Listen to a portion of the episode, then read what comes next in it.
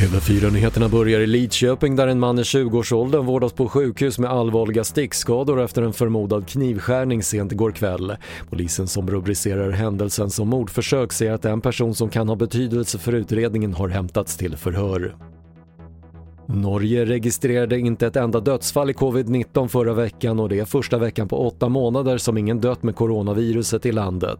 Norska hälsoministern säger att det är ett resultat av att många är bra på att fortsätta följa reglerna och totalt har Norge registrerat 792 dödsfall under pandemin.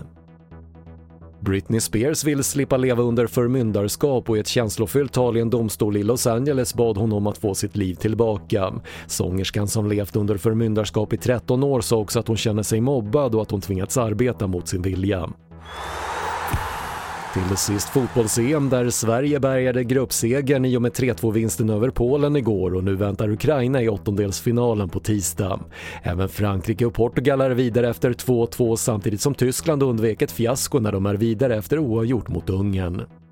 Det var det senaste från TV4 Nyheterna. Jag heter Patrik Lindström.